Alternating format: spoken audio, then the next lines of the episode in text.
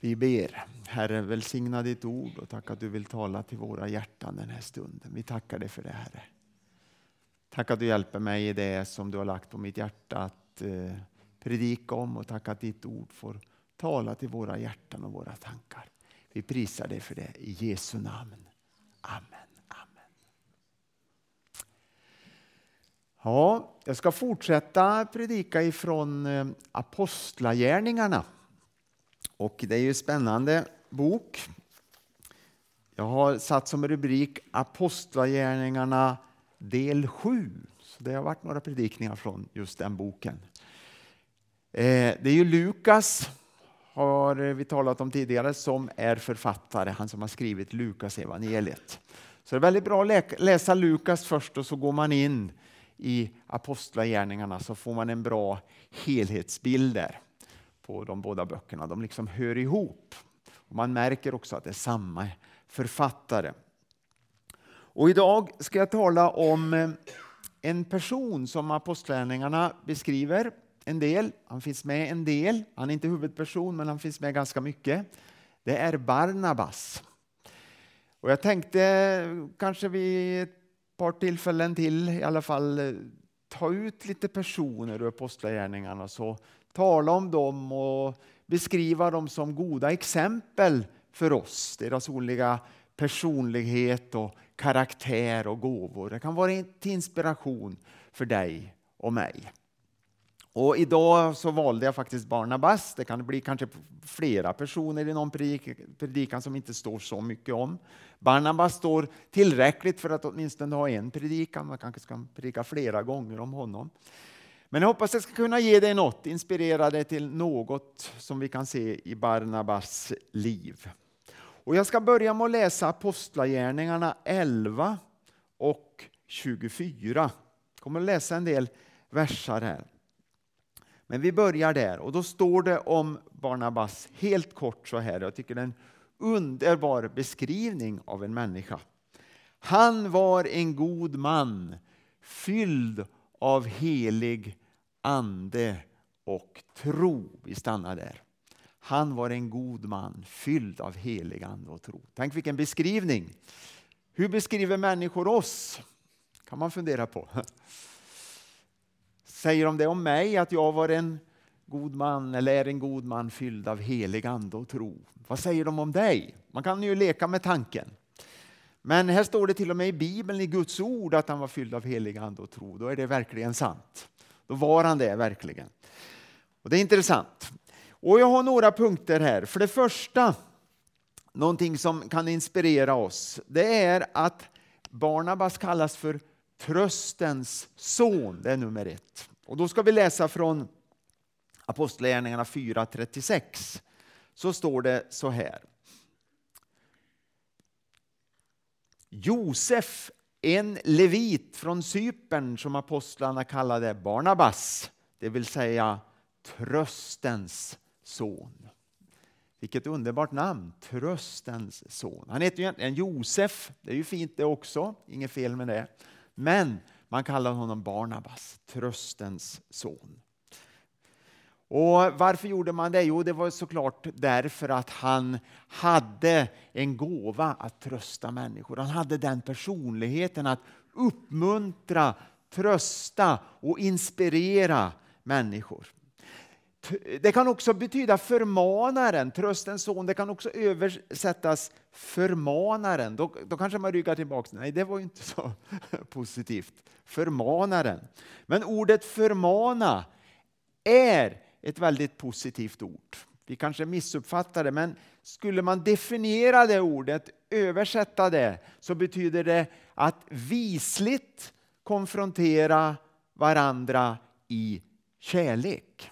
Då blir det något helt annat. Att visligt konfrontera varandra i kärlek. Så att trösta och förmana, det inkluderar ganska mycket. Det är inte bara det där att eh, klappa någon på axeln eller på huvudet och sådär och, och, och eh, ja, som man gör kanske med ett litet barn. Det är inte bara det, utan det handlar, kan ju också handla om att korrigera och att visa på att eh, du är på fel väg, men man gör det på ett kärleksfullt och visligt sätt. Det inkluderar detta också. Barnabas, tröstens son. Att trösta och att förmana. Det står ju om Jesus i Jesaja 9 och 6 så står det så här. Ett profetisk ord om Jesus som vi ofta läser innan eh, jul eller i samband med jul. Detta är hans namn. Underbar i råd. Underbar rådgivare, det beror på vilken översättning. Mäktig Gud, evig fader, frids furste. Och jag stannar för det här rådgivare. Jesus är en underbar rådgivare för oss. Barnabas han var fylld av Jesus. Vi läste att han var fylld av helig ande. Det är ju att vara fylld av Jesus, det är ju samma sak. Och han, eftersom han var fylld av Jesus, fylld av den helige ande, så var han också en väldigt, väldigt god rådgivare. En underbar i råd, underbar rådgivare. Tänk vad fantastiskt det är att ha en person som Barnabas nära sig. Där vi kan få del av gudomlig tröst, vishet och vägledning. Tänk vad underbart. Tänk att det finns sådana människor runt omkring oss. Det är jag övertygad om att det finns idag också. Goda människor som är fyllda av den heliga Ande som kan ge råd och tröst och förmaning till oss. Att vi får våra ögon, ögon öppnade så vi förstår att de finns runt omkring oss. Det finns sådana människor. Det är mycket närmare än vi tror. Ibland känner vi oss väldigt förvirrade och vilsna. Men tänk att det finns människor som Gud har utrustat i vår omgivning. Vi kan få naturligtvis vända oss till Bibeln. Idag är Bibelns dag. Vi kan vända oss direkt till Bibeln och läsa och få råd och eh, uppmuntran och vägledning. Det vet vi. Det är ju väldigt nära till hans. Andens ledning kan vi få uppleva hur den heliga Ande talar direkt in i våra liv och leder oss på rätt väg och ger oss också råd och tröst och uppmuntran. Men också människor som lever nära Gud, människor i vår omgivning. Vad gör man när man ska söka råd idag eh, i, i, modern tid?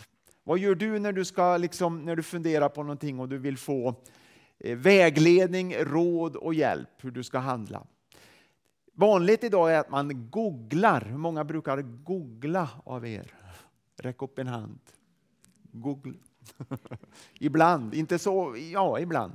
Mm. Inte alla gör det. Det, kanske, det är nog en generationsfråga tror jag. När vi, när vi var yngre, då frågade vi eh, ofta våra föräldrar om råd. Eh, och, och, när vi var riktigt små då var det ju väldigt enkla frågor. Och så här. Men sen när vi växte upp lite och började nå kanske lite uppåt vuxen ålder, kanske början på tonåren där, då, då kanske man frågar pappa hur gör jag när jag byter däck på, på bilen eller kanske var moppen då först. Hur gör jag? Det var en fråga kanske.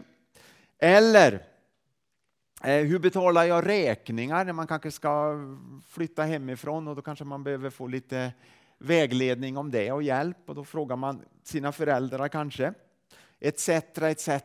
Man skulle kunna ha en lång lista på frågor som är vanliga som man kanske frågar mamma och pappa.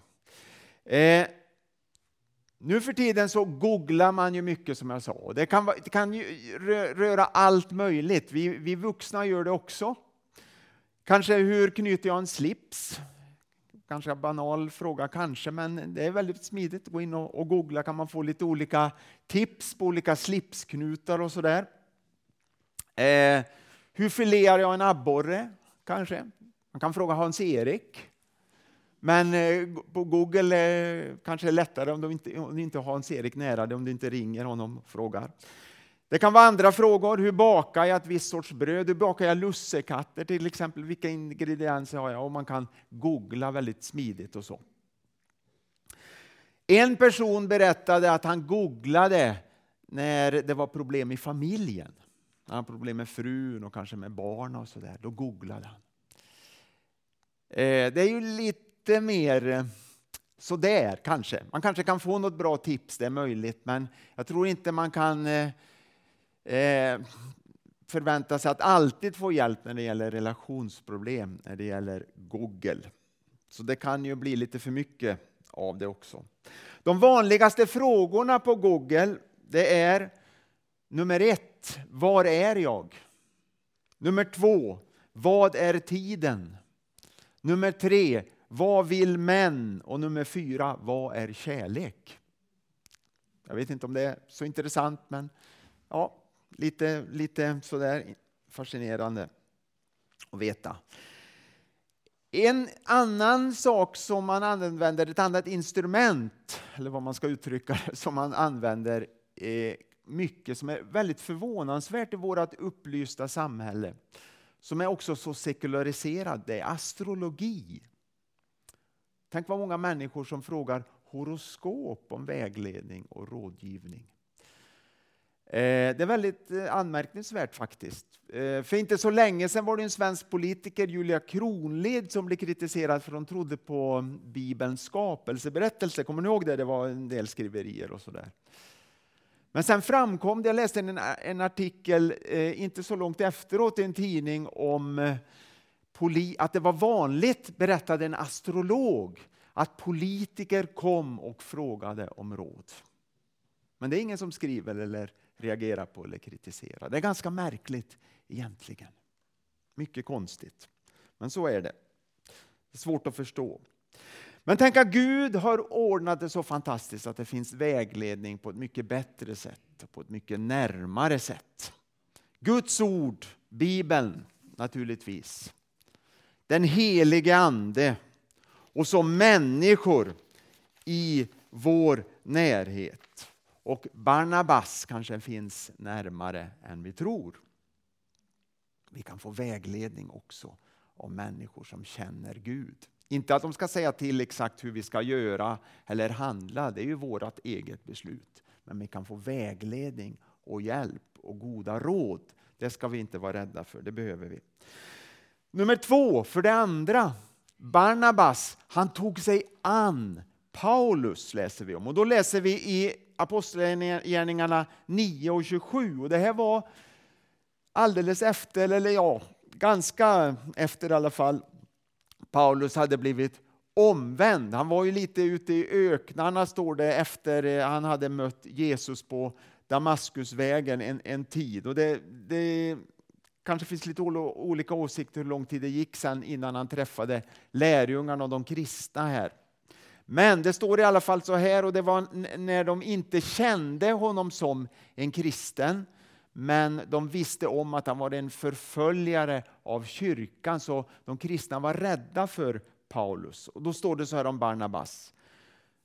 Då tog Barnabas honom med sig till apostlarna och berättade för dem hur Saul, alltså Paulus, på vägen hade sett Herren som talat till honom och hur han frimodigt hade predikat i Jesu namn i Damaskus. Barnabas tog sig an Paulus och öppnade dörrarna in i församlingen för honom. Det är en personlighet som Barnabas har, det här att ta sig an människor. Men jag tror också det är en nådegåva, en gåva Gud ger till vissa människor så att man fungerar på ett extraordinärt sätt eh, när det gäller relationer och ta sig an människor och öppna dörrar för människor in i olika sammanhang. Han riskerade ju någonting, Barnabas naturligtvis. Eh, han var nog säkert övertygad om att det var sant vad som hade hänt i Paulus liv, men det kunde ju ändå finnas lite tvivel, för Paulus räknades som en väldigt farlig människa. Eh, men han kände in säkert att Paulus var uppriktig, att det var en äkta omvändelse han hade varit med om. Det finns en själavårdare som heter Donald Babnam, författare, också skrivit en del just om själavård och det här med relationer mellan människor. Han säger så här att termen otillgänglig fanns aldrig i samband med Barnabas. Barnabas var liksom alltid tillgänglig, han var öppen för människor och öppen i relationer. Det var ingen stängd människa, han var väldigt långt ifrån att vara stängd. Och I och med att han öppnade upp på det här sättet så fick Paulus ett förtroende för Barnabas. Genom mitt sätt att vara kan jag få människor att slappna av och känna sig, väl, känna sig välkomna i sam, olika sammanhang. Och kanske jag tänker först i församlingen.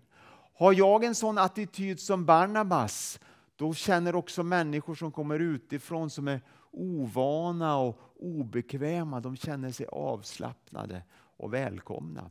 Och jag tror en sån attityd är en fantastisk välsignelse att möta en person som du talar om här på face, i Facebookgruppen som kritiserar kanske och inte känner till eh, vad som händer i kyrkan och vad, vad, vad, vad vi står för och så.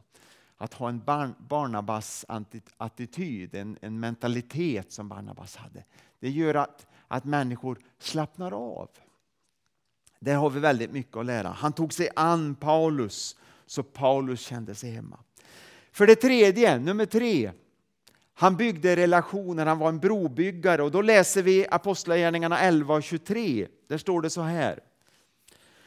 Eh, när han kom dit och fick se bevisen på Guds nåd blev han glad och manade alla att helhjärtat hålla sig till Herren. Och här står det om en eh, församling i Antiochia och här var det en väldigt speciell situation. Det var en blandning av judekristna och hedningar som hade kommit till tro. Så det var en väldigt känslig situation i Antiochia. Och eh, då ville man liksom kolla in från Jerusalem, hur är det där i församlingen? Och man ville liksom eh, checka av lite grann, känna av temperaturen och se så att allt stod rätt till. Vem skickar man då? Jo, naturligtvis Barnabas. Han var ju en medlare, han var en brobyggare. Och när han kom dit så står det att han blev glad när han såg vad Gud gjorde. Han kom inte som en påve eller som någon herre satt på höga hästar utan han kom som en tjänare. Och så kände han in vad som händer här i församlingen och så såg han att det här är ju någonting positivt. Det här är ju verkligen någonting som Gud gör här. Och i den atmosfären så kom väldigt många till tro på Gud också. Så han blev glad när Gud gjorde någonting, oavsett hans roll. Han var en sann ledare. Och Det är också en utmaning för oss att vi får vara glada när Gud gör någonting. Oavsett om vi är i centrum eller inte, oavsett om jag som pastor blir känd eller inte, så får jag glädja mig att det är Gud som gör någonting. Det är han som ska ha äran.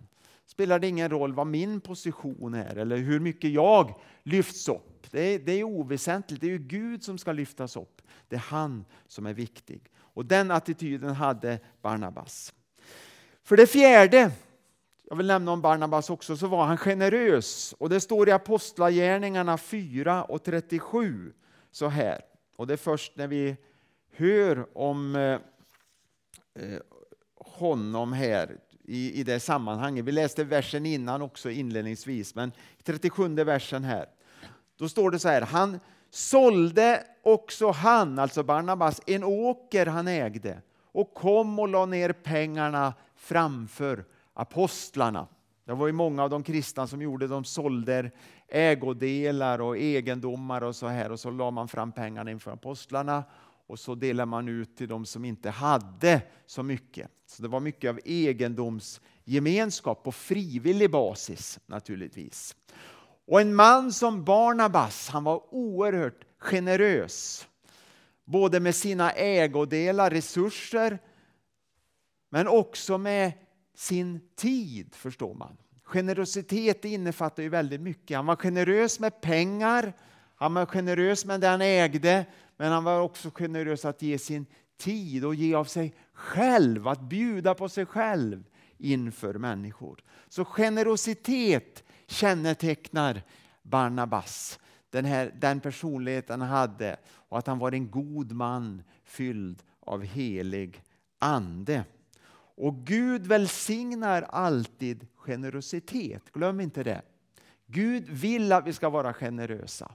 Med pengar, med ägodelar, självklart, men också med vår tid och med annat vi har att ge, att alltid vara generös. Då får vi också uppleva Guds välsignelse över våra liv. Och Jag tror att det står i proportion att ju mer jag ger och ju mer jag välsignar, ju mer får jag tillbaks av välsignelser. Och ju mer jag håller inne med att ge och vara generös, ju mindre får jag del av Guds välsignelse. Jag tror faktiskt det ligger väldigt mycket i det.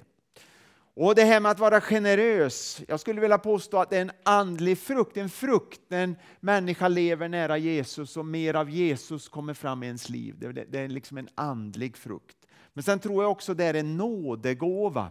Vi ska inte läsa om det nu, men det står i Romarbrevet kapitel 12 om olika gåvor, nådegåvor Paulus nämner. Och det står det också om, om just det med att, om generositet som en gåva av, från, av nåd. Och vissa människor är mer generösa än andra. Jag tror att alla är kallade att vara generösa. Alla kristna bör vara generösa, annars är det något konstigt. Men sen tror jag att vissa människor har, det som en, en, en, har en gåva att vara generösa. Har ni upplevt det någon gång att det finns människor så där som bara vill välsigna och man blir bara wow, de, de, de, de kan ge bort allt de äger och har känns det som. Eh, men de har just den här gåvan att vara generösa. De vill ge, de ser behov och de tänker inte att liksom hålla tillbaks någonting. Och det är jag övertygad om att det är som Paulus säger, en gåva. Två saker till, helt kort innan jag säger amen. För det femte så stod Barnabas för sin övertygelse. Han stod för det han trodde på. Han var trofast. Eh, Apostlagärningarna 15 så läser vi tre verser, 37 till 39. Och det var en diskussion om en släkting till Barnabas. Syskonbarn står det på en del ställen, kusin står det på andra, men det var nog syskonbarn det handlar om. Det är Johannes Markus. Och så står det så här. Barnabas ville att Johannes, som kallades Markus, också skulle följa med. Det var på missionsresa alltså.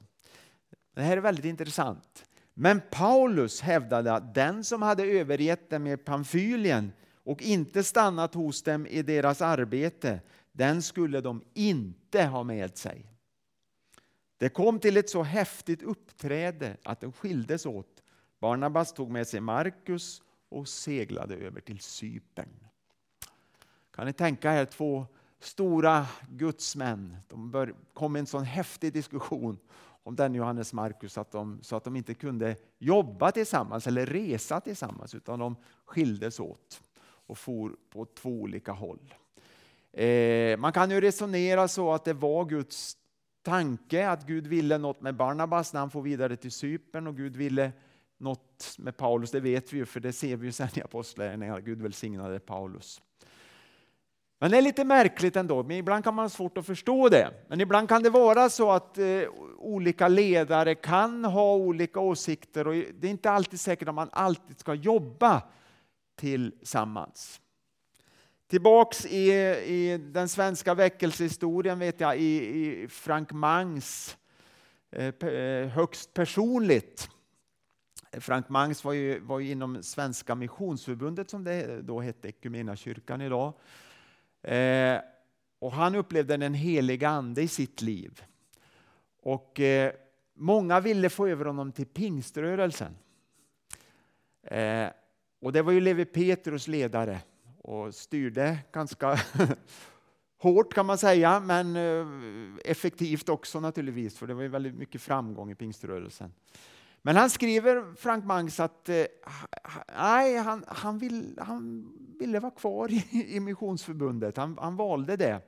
Och han sa att det kanske inte hade varit så lätt för mig att jobba ihop med Levi Petrus heller. Det kanske var bättre att vi var i olika liksom, samfund. Inte att de tyckte illa om varandra på något vis, utan de välsignade varandra. Men att vi ändå var lite på olika håll. Så. Och så kan det vara att man inte alltid kanske funkar i att jobba tillsammans. Det behöver inte vara fel, det är det jag vill säga. Sen ska man välsigna varandra och inte vara ovänner, det är en helt annan sak. Eh, men Paulus, eller Barnabas, han ville ha med Johannes Markus här. Och kristna kan som sagt ha olika åsikter. Och det här är ingen tillrättalagd helgonhistoria som vi läser i Apostlagärningarna. Och Det är det som gör Bibeln så trovärdig också. Hela Bibeln är full av sådana här händelser när eh, människor som älskar Gud och menar sig känna Gud, eh, deras problem lyfts fram och blottas. Eh, deras svagheter kommer fram väldigt tydligt också, många gånger.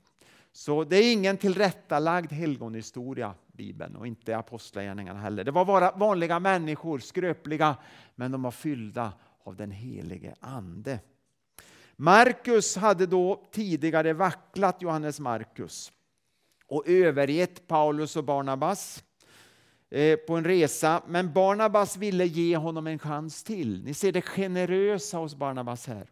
Han såg den här unge mannen, Johannes Markus, han ville ge honom en chans till. Och generositet skapar utrymme i mitt hjärta och gör att jag kan ta in människor i mitt liv. Jag blir liksom barmhärtig, jag ser det positiva, jag ser vad Gud kan göra i en annan människa.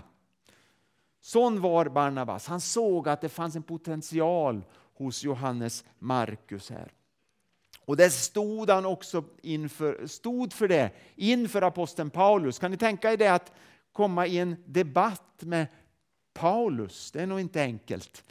Då skulle man nog vika ner sig, vem som helst egentligen. Men det gjorde inte Barnabas, utan han stod upp och han menade att Johannes Markus, det finns någonting bra i honom och jag tror på honom och jag vill att han ska få en chans till.